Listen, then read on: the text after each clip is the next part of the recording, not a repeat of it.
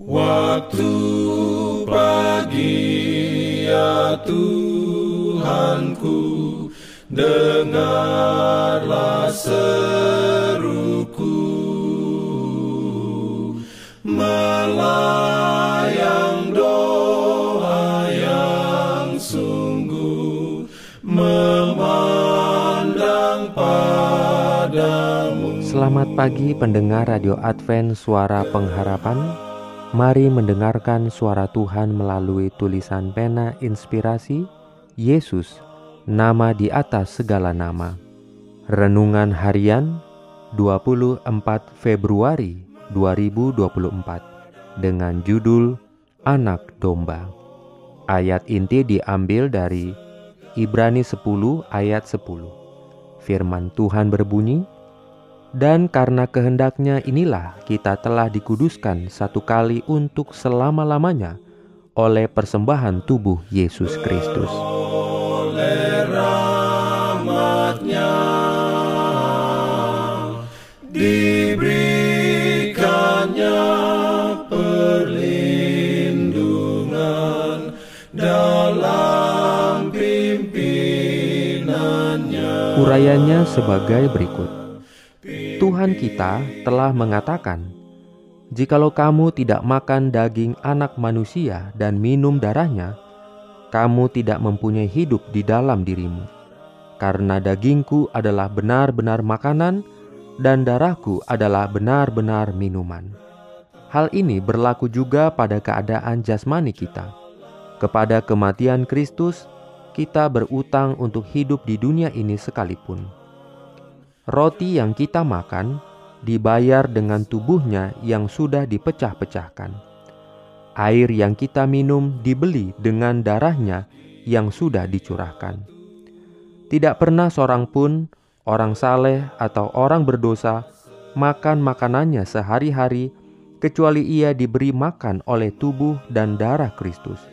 Salib di Golgota tertera pada setiap ketul roti. Dan lebih benar pula perkataan Kristus itu berkenan dengan sifat rohani kita. Ia menyatakan, Barang siapa makan dagingku dan minum darahku, ia mempunyai hidup yang kekal. Adalah oleh menerima hidup bagi kita yang dicurahkan di salib di Golgota, kita dapat hidup suci. Dan hidup ini kita terima oleh menerima perkataannya, oleh melakukan perkara-perkara yang telah diperintahkannya. Dengan demikian, kita menjadi satu dengan Dia. Barang siapa makan dagingku, katanya, dan minum darahku, ia tinggal di dalam aku, dan aku di dalam Dia. Sama seperti Bapa yang hidup mengutus aku, dan aku hidup oleh Bapa, demikian juga barang siapa yang memakan aku akan hidup oleh aku. Untuk perjamuan suci, Ayat-ayat ini dikenakan dalam pengertian khusus. Bila iman merenungkan pengorbanan Tuhan kita yang besar itu, jiwa menyerap kehidupan rohani Kristus. Jiwa itu akan menerima kekuatan rohani dari setiap perjamuan suci. Upacara itu membentuk suatu hubungan hidup yang olehnya orang percaya disatukan dengan Kristus dan dengan demikian disatukan dengan Bapa.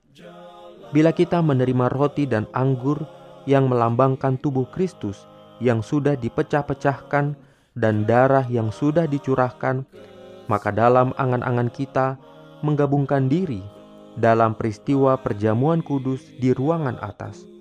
Kita menyaksikan pergumulan yang olehnya perdamaian kita dengan Allah diperoleh. Kristus dinyatakan tersalib di antara kita sambil memandang kepada penebus yang sudah disalibkan, kita lebih mengerti besarnya dan maknanya pengorbanan yang diadakan oleh Yang Maha Mulia di surga. Rencana keselamatan dimuliakan di hadapan kita, dan pikiran tentang Golgota menggugah hidup dan emosi yang suci dalam hati kita. Puji-pujian kepada Allah dan Anak Domba akan ada dalam hati kita dan pada bibir kita. Karena kesombongan dan pemujaan diri sendiri tidak dapat tumbuh subur dalam jiwa yang senantiasa mengenangkan peristiwa di Golgota. renungkan lebih dalam bagi Anda.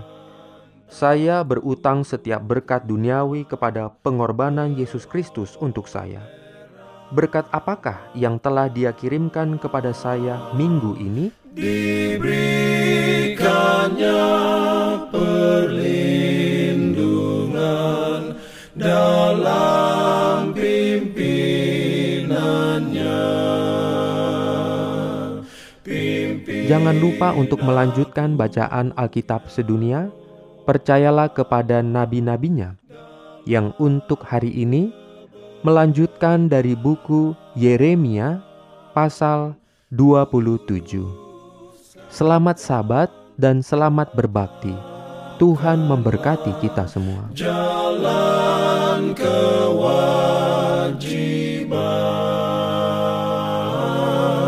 Jalan